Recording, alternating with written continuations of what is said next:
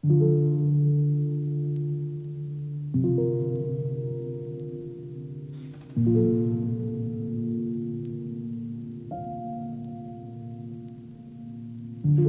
ingatkah kalian bagaimana semua ini bermula?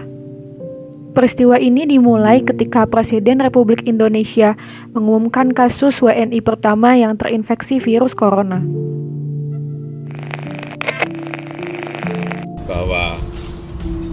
Ini dan putrinya positif corona. Rakyat sempat takut dan panik mereka berbondong-bondong menyelamatkan dirinya sendiri dengan memborong alat perlindungan diri seperti masker dan hand sanitizer. Warga di beberapa daerah masih kesulitan mendapatkan masker dan hand sanitizer seperti di Cilengsi, Kabupaten Bogor, Jawa Barat, dan Belawan, Sumatera Utara.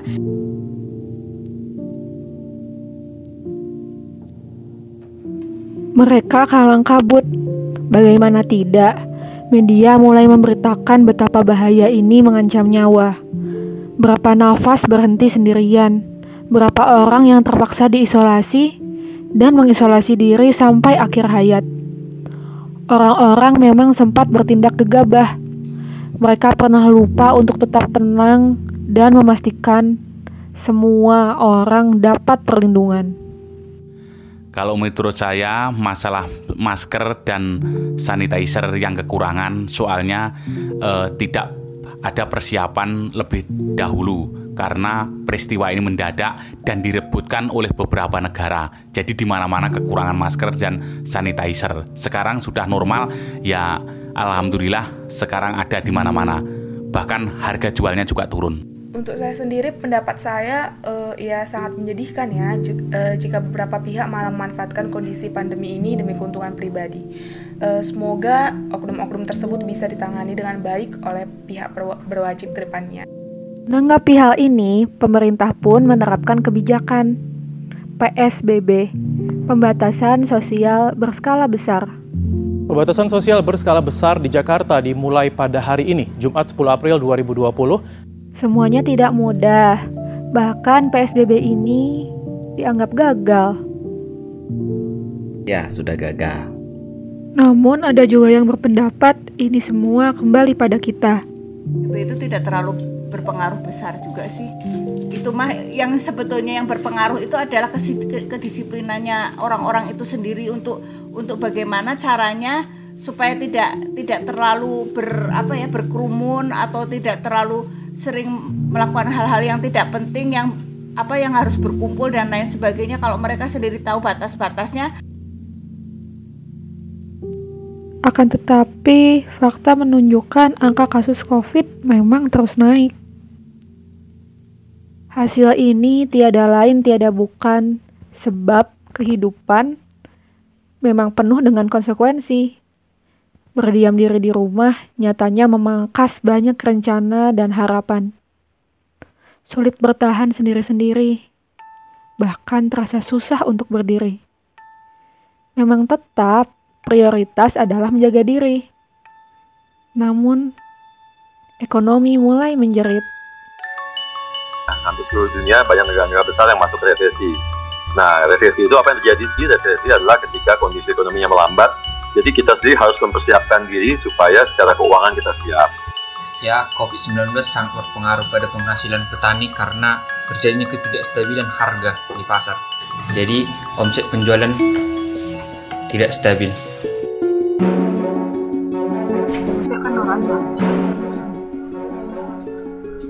Dulunya waktu sebelum corona kita kan punya langganan sekolah senaunya nah sekolahnya itu kan kita langganan kita kan untuk bumbu sama cabai itu kan setelah di covid kan ditutup sekolah. Sampai sekarang ini iyalah merosotlah jawaban dia gitu kan. Misalnya ya. merosotlah sekian persen 30 persen adalah merosotnya gitu kan. Sekolah satu sekolah baru tuh. Hmm. ada langganan-langganan lain lagi. Orang-orang desa langganan orang mungkin jual-jualan kayak bakwan kayak apa lagi itu sekarang dia tidak jualan. Terus dia itu tidak beli tipu sama kita lagi.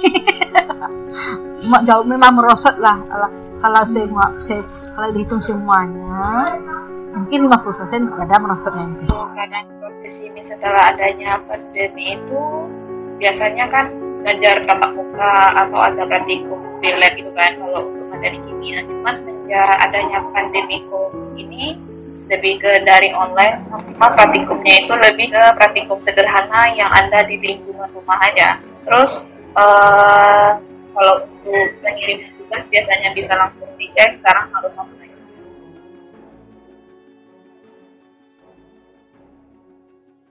dari sektor pendidikan juga mengalami kesulitan. Tidak mudah untuk memahami ketika kita berjarak. Di era industri 4.0 ini, memang segalanya sudah terautomatisasi. Teknologi dianggap dapat mendukung penuh aktivitas pembelajaran. Nadiem Makarim selaku Menteri Pendidikan dan Kebudayaan mengatakan bahwa metode pembelajaran jarak jauh nantinya bisa diterapkan permanen seusai pandemi COVID-19. Namun, lagi-lagi kita dibenturkan pada realita yang tak seindah rencana. Menyenangkan, tapi ada sulitnya. Karena saya tidak bisa menanyakan soal sulit secara langsung kepada bu guru. Menurut saya, pembelajaran daring lebih capek karena guru-guru lebih memberi banyak tugas. Selain itu, selama pembelajaran daring jadi kurang mengerti dan memahami materi. Jadi butuh usaha ekstra untuk memahami materi karena kebanyakan guru-guru hanya memberi PPT saja untuk dipelajari sendiri. Suasana belajar di rumah juga hawanya ngantuk dan susah untuk konsentrasi belajar karena banyak gangguan, contohnya anak kecil. Untuk pembelajaran daring kemarin saya rasa ada hal positif dan negatifnya. Kalau misalnya untuk hal positifnya saya bisa menjadi lebih bisa mengeksplor diri saya lagi dan bisa melakukan hal-hal yang sebelumnya tidak bisa saya lakukan. Kalau untuk hal negatifnya menurut saya saya kurang mampu untuk memahami pembelajaran uh, secara daring ini. Saya lebih bisa memahami pelajaran ketika perkuliahan offline kemarin dan juga pembelajaran daring ini memakan banyak kuota internet saya pendidikan di Indonesia belum rata, apalagi pembelajaran jarak jauh atau PJJ. Ternyata masih sulit diterapkan. Sistem pembelajaran jarak jauh yang diterapkan sekolah selama pandemi corona memiliki sejumlah tantangan, baik bagi orang tua dan siswa. Kebutuhan kuota internet tentunya menjadi tambahan biaya yang mesti dikeluarkan orang tua untuk belajar anaknya. Iya, saya mengalami uh, kesulitan karena koneksi internetnya yang tidak begitu baik di daerah saya. Selain masalah teknis seperti gawai dan koneksi internet, penting bagi para pelajar tetap berhubungan dan mengobrol dengan teman-temannya, tetap berbagi cerita. Namun, saat ini hal itu jadi sesuatu kemewahan yang sulit dilakukan. Pembelajaran online semester ini tuh bikin bosen, cuma di rumah aja nggak ke mana-mana nggak bisa menikmati indahnya perjalanan berangkat ke sekolah pagi-pagi, jajan di sekolah. Terus kalau jam kos tuh ngerumpi bareng temen. Terus kalau pulang sekolah biasanya main ke rumah temen. Sekarang ngerjain tugas sendirian. Kalau dulu kan bisa dikerjain bareng temen.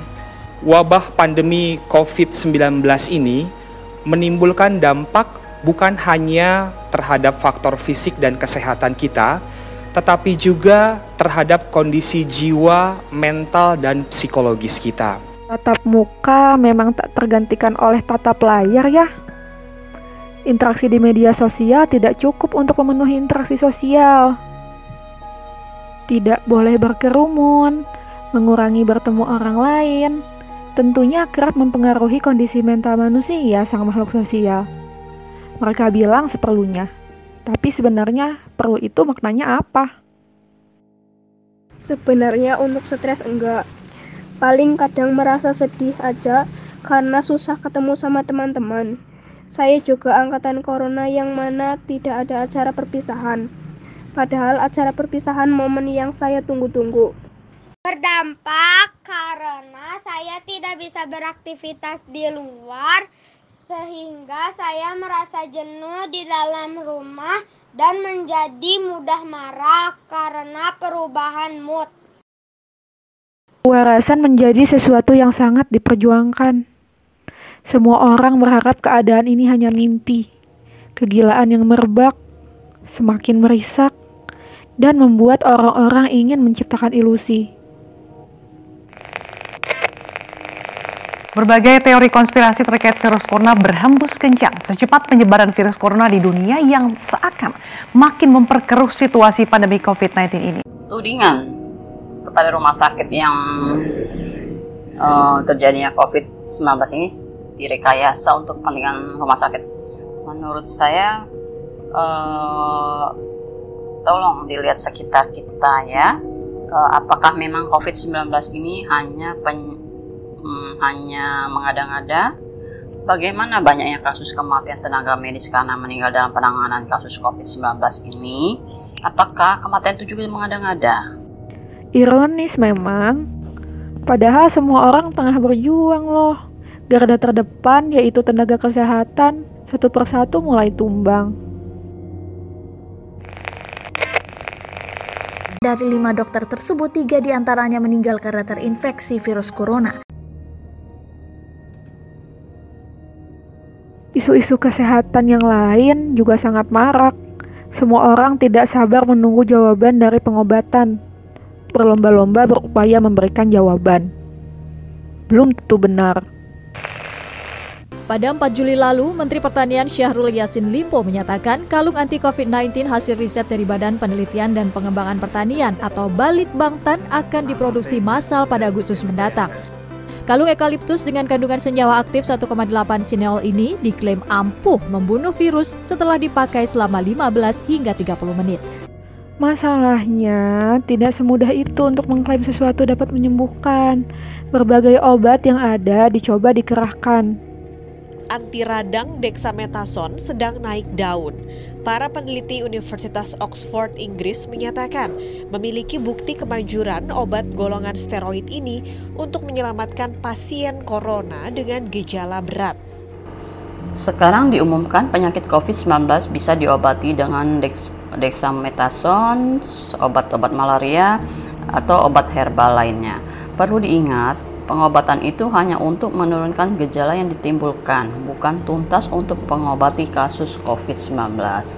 Justru yang bisa menurunkan angka kasus COVID-19 adalah selalu jaga kebersihan, rajin cuci tangan, pola hidup sehat, selalu memakai masker, dan bila tidak ada kepentingan di luar rumah, lebih baik tetap di rumah saja. Tidak apa-apa, sementara pencarian masih terus dilakukan kok. Tapi kita juga dapat berperan. Masih ada yang bisa kita syukuri. Bersyukur dan menyadari fakta bahwa semua orang sedang berperang. Terlebih tenaga medis. Mereka patut disebut pahlawan. Semangat, eh, jaga kesehatan. Semoga semuanya disehatkan dan sabar. Kesehatan dan dilancarkan pekerjaannya dalam menangani pasien COVID-19. Tetap semangat para tim medis. Sarang heo. Rasa terima kasih itu dapat kita wujudkan dengan patuh pada larangan. Melakukan pengorbanan untuk tidak berkumpul dan membatasi berpergian. Sedih ya memang. Sementara itu Kementerian Perhubungan menunggu aturan resmi dari pemerintah pusat jika ada pelarangan mudik lebaran tahun ini. Saat ini Kemenhub baru sebatas mengimbau agar warga membatalkan niatnya pulang kampung untuk mencegah penularan virus corona. Merayakan kemenangan dalam diam, merayakan kemenangan dengan penuh rasa syukur, rasanya harus dilakukan dengan lapang dada karena tak ada pilihan. Jadi soalnya Om aku nggak bisa pulang, nggak bisa kumpul pas hari raya. Sebenarnya kemarin itu rencananya mau pulang kan, rencananya pas lebaran mau pulang kampung karena orang tua udah lama kan nggak ngerayain lebaran bersama. Karena ada covid-19 ya nggak bisa pulang kampung. Sedih kali sih soalnya paksa refund tiket itu segala macamnya kan Makanya mau kayak mana demi orang tua nggak tertular juga menapa kita OTG kan ya ditahan aja. Masih harus bertahan. Sampai semua kembali normal, mereka bilang. Indonesia terdesak dari berbagai sisi. Semua bersuara, semua berteriak, semua ingin kembali berbahagia. Pemerintah terpaksa menerapkan new normal. Istilah new normal mendadak ramai menjadi perbincangan berbagai kalangan. Istilah ini merujuk pada tatanan baru yang harus diadaptasi manusia di tengah pandemi COVID-19. New normal menjadi sebuah pilihan atau keputusan yang diambil pemerintah untuk merespon pandemi COVID-19 yang sampai saat ini belum bisa dikendalikan. Sebelumnya Badan Kesehatan Dunia WHO menyatakan, meskipun kurva positif COVID-19 menurun, virus corona tak akan hilang dari kehidupan manusia. Ditambah pernyataan Presiden Jokowi bahwa saatnya masyarakat diminta berdampingan dengan COVID-19. Kalau menurut saya masalah new normal antara new normal dan kasus masih naik. Kalau misalkan nggak dilaksanakan new normal, masalah usaha bakalan jatuh. Tapi kalau misalkan eh, kasusnya masih naik, itu harusnya semuanya memenuhi protokol kesehatan. Gak apa-apa new normal, cuman ya tetap aja jaga jarak, pakai masker, kayak gitu. New normal memang tidak akan benar-benar normal. Kita diminta menelan fakta bahwa kita sedang tidak baik-baik saja. Kita diminta beradaptasi dan memilih berkonsekuensi. Pemerintah berusaha menenangkan rakyatnya. Rakyat yang berpengaruh, influencer mereka bilang, diminta datang dan membuat keamanan semu. Kalau kita lihat dana segar angkanya besar sekali 72 miliar rupiah untuk influencer nih uh, yeah. untuk mendorong pariwisata di Indonesia yang katanya terdampak dengan COVID-19. Tindakan tersebut dinilai bukan suatu langkah yang cukup bijak. Namun banyak juga yang menyatakan keamanan semu tersebut menyatakan membuat seolah-olah nyata. Sampai akhirnya Jumlah kasus konfirmasi positif COVID-19 bertambah sebanyak 2.098 kasus per Kamis 13 Agustus 2020. Dengan penambahan jumlah tersebut, total kasus positif COVID-19 di Indonesia mencapai 132.816 pasien. Memang uh, saking bahayanya penyakit ini sebetulnya kita harus lebih lebih lebih waspada apalagi setelah sekarang uh, new normal ini gitu. Uh, tapi tetap aja harus di, di, diketatkan gitu kedisiplinan untuk uh, social distancing uh, memakai masker dan cuci tangan itu harus tetap selalu selalu dilakukan gitu. Kalau menurut saya udah itu uh, rakyat Indonesia tidak memenuhi peraturan secara 100% dari undang-undang yang telah ditentukan protokol kesehatan. Kalau bisa COVID ini cepatlah menurun angkanya itu supaya bisa kita lagi bias kayak dulu lagi lah gitu kan. Di COVID ini memang banyak banyak apanya gitu banyak kendalanya di sekolah. Udah tutup udah tatap muka. Nah yang kedua orang jualan udah tak lancar kayak dulu. Jadi kalau saya minta ya covid ini cepatlah diatasi sama pemerintah. Dan kita juga berdoa sama Allah covid ini berlalu. Jadi beginilah kabar kami. Kami bersuara dan kami ingin peduli kami tidak baik-baik saja, kami akui. Kami merasakan banyak kehilangan, pekerjaan, kesempatan, orang-orang tersayang. Kami ingin bertahan dan sampai kepada masa-masa indah di mana kami dapat berkumpul tanpa ketakutan. Yang bisa kami lakukan sekarang adalah saling menjaga dari jauh. Pandemi mengajarkan bahwa kasih sayang terbesar tidak diukur dengan jarak, dengan banyaknya kemenangan yang dirayakan, atau dengan banyaknya pertemuan. Tapi kita manusia masih bisa saling sayang dengan tidak saling menyalahkan tentunya. Tidak setiap hari kita harus berlari. Di 2020 ini ada banyak hari yang kita lalui untuk bertahan. Lebih dari cukup. Merdeka memang berarti bebas, bukan sebebas-bebasnya egois. Walaupun begitu, kita bebas berkarya, bebas bersuara. Seperti ini cerita kita. Reka-reka berarti aturan tindakan. Dapat pula diartikan sebagai sekedar karangan. Hmm, yang mana saja. Tapi ini reka-reka merdeka kita.